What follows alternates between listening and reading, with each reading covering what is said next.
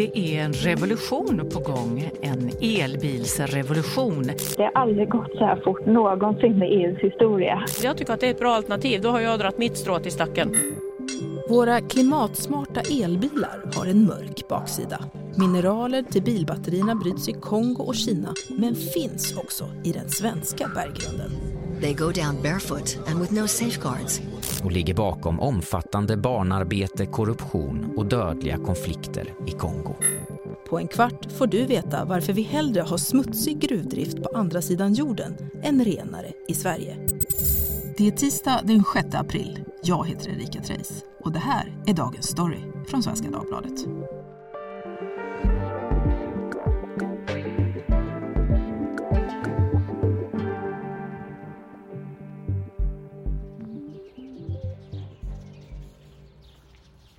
Tänk dig att omställningen redan har skett. Elen i ledningarna är förnybart grön och bilarna står i rad och tankar fossilfri el. Staden är tystare än i mannaminne och smoggen ett minne blott. Men för att allt detta ska kunna bli verklighet så kommer det att krävas metaller och mineraler i mängd. Här är Sverige en storspelare. Men vill vi ha fler gruvor? Micke Törnvall är reporter på SvD Näringsliv och han har bevakat bland annat klimat och teknikinnovationer. Och du och jag, Micke, vi har ju båda skrivit om gruvfrågan i Sverige.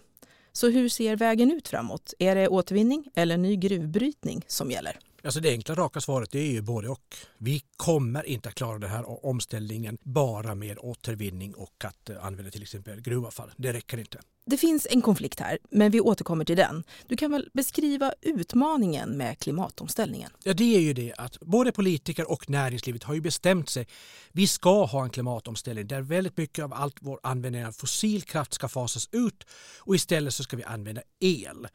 Bilar ska ha batterier istället för att gå på bensin och elen ska komma från vindkraft istället för kärnkraft och kolkraft om man tittar på hela Europa. Så långt låter det vackert och bra. Problemet är ju att för att bygga de här bilarna, för att bygga de här vindkraftverken så kommer det behövas en massa mineraler och metaller som kobolt, litium och diverse vad som kallas sällsynta jordartsmetaller.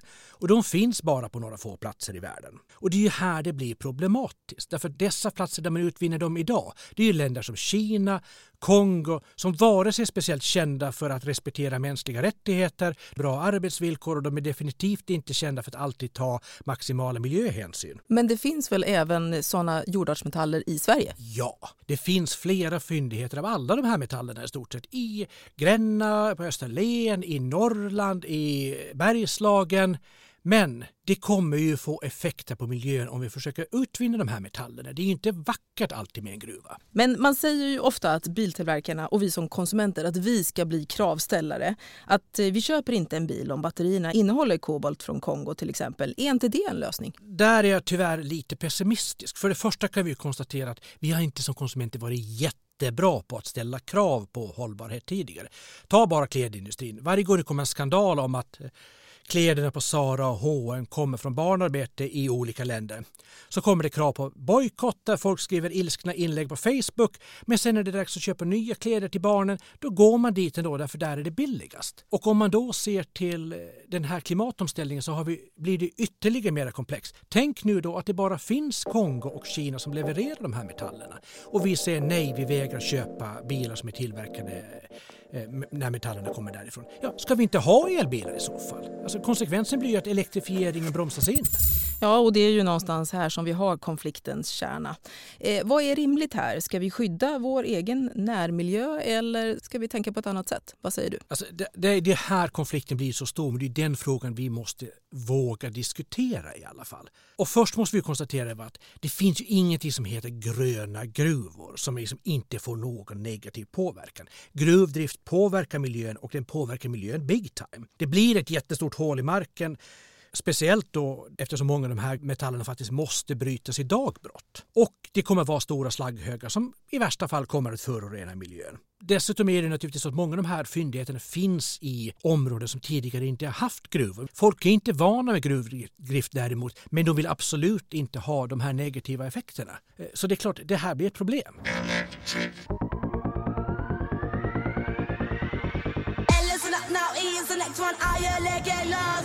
det pratas ju också mycket om, om samråd och medbestämmande. Ja, och det tror jag är otroligt viktigt att man så långt som möjligt ändå involverar de som är påverkade och får dem med sig. Men om man ska vara helt ärlig, jag har svårt att se hur någon ska tycka att det ens är lite bra att ha ett jättestort hål i marken precis där man bor eller enorma slagghögar om knuten. Så det jag tror det är en fantasi också att tro att man med samråd plötsligt kommer att omvända alla och tycker det här är en jättebra idé. En lösning på klimatkrisen som förs fram, även från regeringshåll, är cirkularitet. Att vi alla ska värna kretsloppet, lämna all form av slit och släng därhän. Det sitter metaller i de här produkterna som kan återanvändas. Och vad har vi då för alternativ? Jo, använda det igen. Använda det igen. Det är ju bättre om vi gör det. Då fixar vår planet. Så måste vi verkligen ha nya gruvor? Vad hände med det cirkulära tänket att återbruka de metaller och mineraler som vi redan grävt upp? Micke, det går väl inte ändå att förorda gruvor, alltså att ta upp nya metaller framför återbruk av de vi redan har? Alltså det vore ju svårt att säga att man vill ha en hållbar klimatomställning om man inte samtidigt gör allting man kan för att minimera påverkan på miljön av den här omställningen. Så det är klart att återvinning av metaller kommer att bli en otroligt viktig del. Men problemet är ju det att det finns inte så mycket metaller i omlopp att det kommer att räcka. Och jag ska ge ett konkret eh, exempel på det. Det finns, tror man nu, ungefär 1,4 miljarder bilar ute i drift i världen.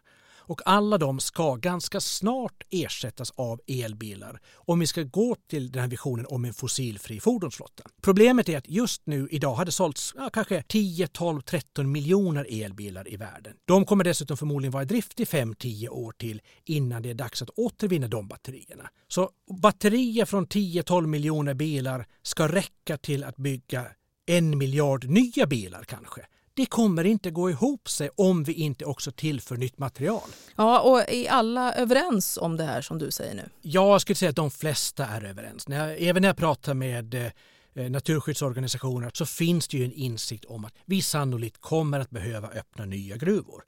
Sen är det lite olika syn på hur mycket mycket av de här nya batterierna som kan komma från återvinning. Naturskyddsföreningen lutar åt att en väldigt stor andel. Frågar du gruvindustrin så säger de att nästan ingenting kommer att komma därifrån.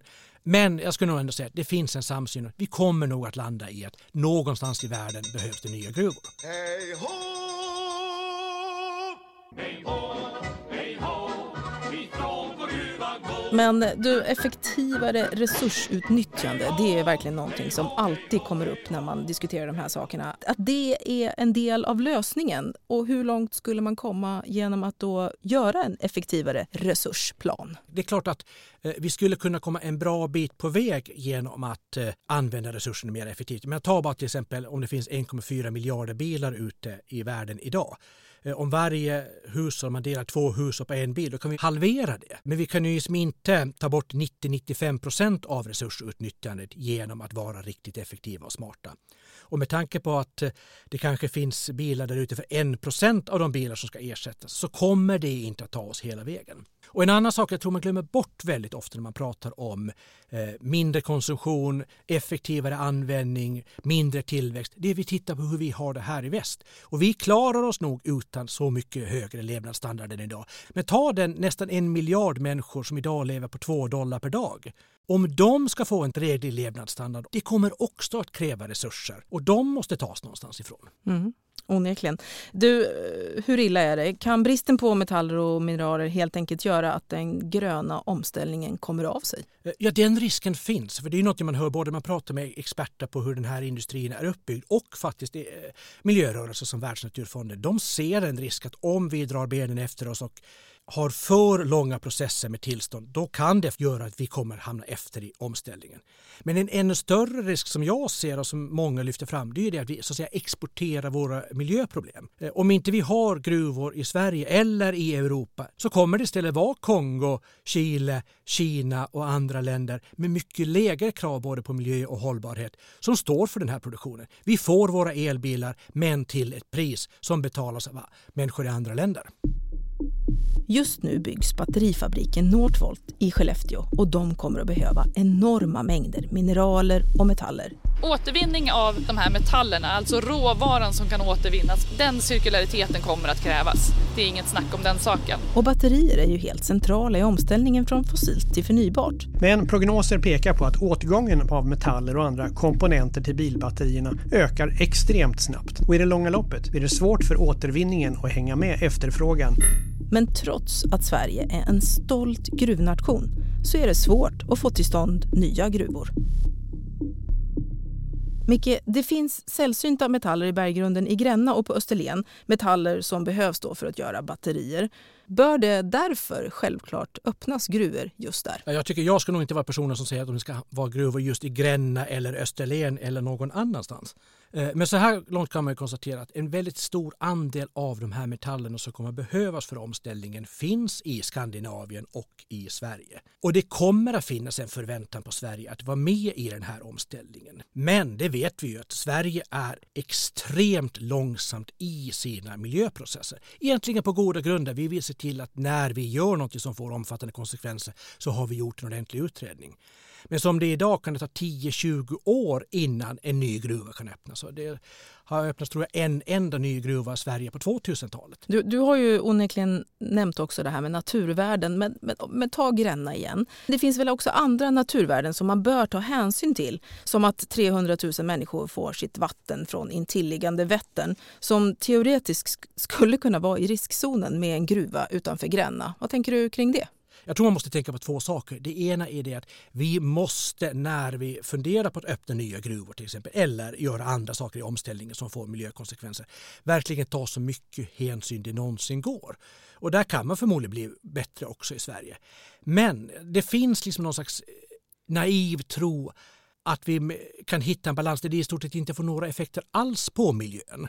Vissa negativa konsekvenser kommer det att få. Men vi kanske kommer fram till att vi är beredda att betala det priset därför att klimatomställningen är viktigare. Ja, men, men vi lever ju ändå i en globaliserad värld. Så om Kina och Kongo har tillräckligt med de här metallerna och kan exportera dem, räcker inte det? Ja, det kommer förmodligen att räcka till de behov som finns. Men vi ska komma ihåg också då att vi kommer göra oss beroende av import från de här länderna. Se på vad som händer när H&M har kritiserat Kina för förhållanden i Xinjiang och blir nu bojkottat av de kinesiska myndigheterna. Vill vi verkligen utsätta oss för det att Kina en dag kommer att säga att om ni kritiserar brott mot mänskliga rättigheter i Kina då får ni inte köpa råmaterial till era batterier? Mm, det är en bra fråga. Sannolikt inte. Va? Det är en geopolitisk fråga som kommer att debatteras i decennier och har gjort också. Men, men du, hur hållbar är Sverige som gruvnation? Förhållandevis väldigt hållbar kan man säga. Eh, normalt sett när man eh, pratar om vilka länder har den mest hållbara gruvdriften och då tänker jag både på miljöhänsyn, förhållanden för de som jobbar i gruvorna, mänskliga rättigheter, hur mycket man tar hänsyn till urfolkets rättigheter och så vidare, så brukar Sverige rankas i topp tre i världen. Det betyder ju inte att det är tillräckligt bra, men det säger ju en del om att vi har en betydligt kortare väg att gå för att nå en verkligt hållbar gruvdrift än vad återigen Kina har till exempel. Men kan Sverige och EU då till exempel trycka på för mer hållbar gruvdrift också i andra länder? Absolut kan vi påverka utvecklingen i rätt riktning och det sker ju redan. Men återigen, jag är inte säker på att det kommer att räcka för att lösa hela problemet. Det, det, är, det är nog återigen lite naivt att tro att eh, vi bara, eh, Bryssel skickar ett brev till Peking och talar om att nu får ni skärpa er för annars får ni inte sälja några mineraler. Och sen blir allting frid och fröjd. Så enkelt är det nog inte. Jag tänker att vi backar tillbaka till Sverige där och batterifabriken eh, Northvolt. Eh, hur, hur tänker de? För de bygger ju nytt och har helt enkelt möjlighet då att göra rätt från början. Ja, och nu ska man komma ihåg, om man ska vara lite cynisk, väldigt mycket som sägs från Northvolt är naturligtvis också en del av deras PR-kampanj när de bygger ut fabriken. Men med det sagt så har de ändå en väldigt intressant ambition. Nämligen att eh, man tar den el som behövs från fossilfri el, man återvinner så mycket som möjligt. Men så vill man ju ha den sista pusselbiten också. Man vill kunna köpa in de mineraler som inte går att återvinna från så hållbara förhållanden som möjligt. Och det är klart, Northvolt vill ju hellre köpa det från en hållbar gruva i Skandinavien än från en gruva där man misstänker barnarbete i Kongo. Och som enskild individ då så är det ju som vanligt lätt att tänka att de här stora drakarna, det är de som måste göra omställningen. Men Micke, jag då och vi då? Ska vi laga våra gamla mobiltelefoner eller köpa nya? Ja, det är klart, just mobiltelefonerna är kanske inte det som kommer att förändra den här omställningen. Men det är klart att politikerna kan göra sitt, på EU-nivå kan de göra sitt, men det är klart att man som konsument kan hjälpa till att driva utvecklingen lite grann i rätt riktning. Gräv där du står, alla måste hjälpas åt. Tack Micke för att du kom hit. Tack.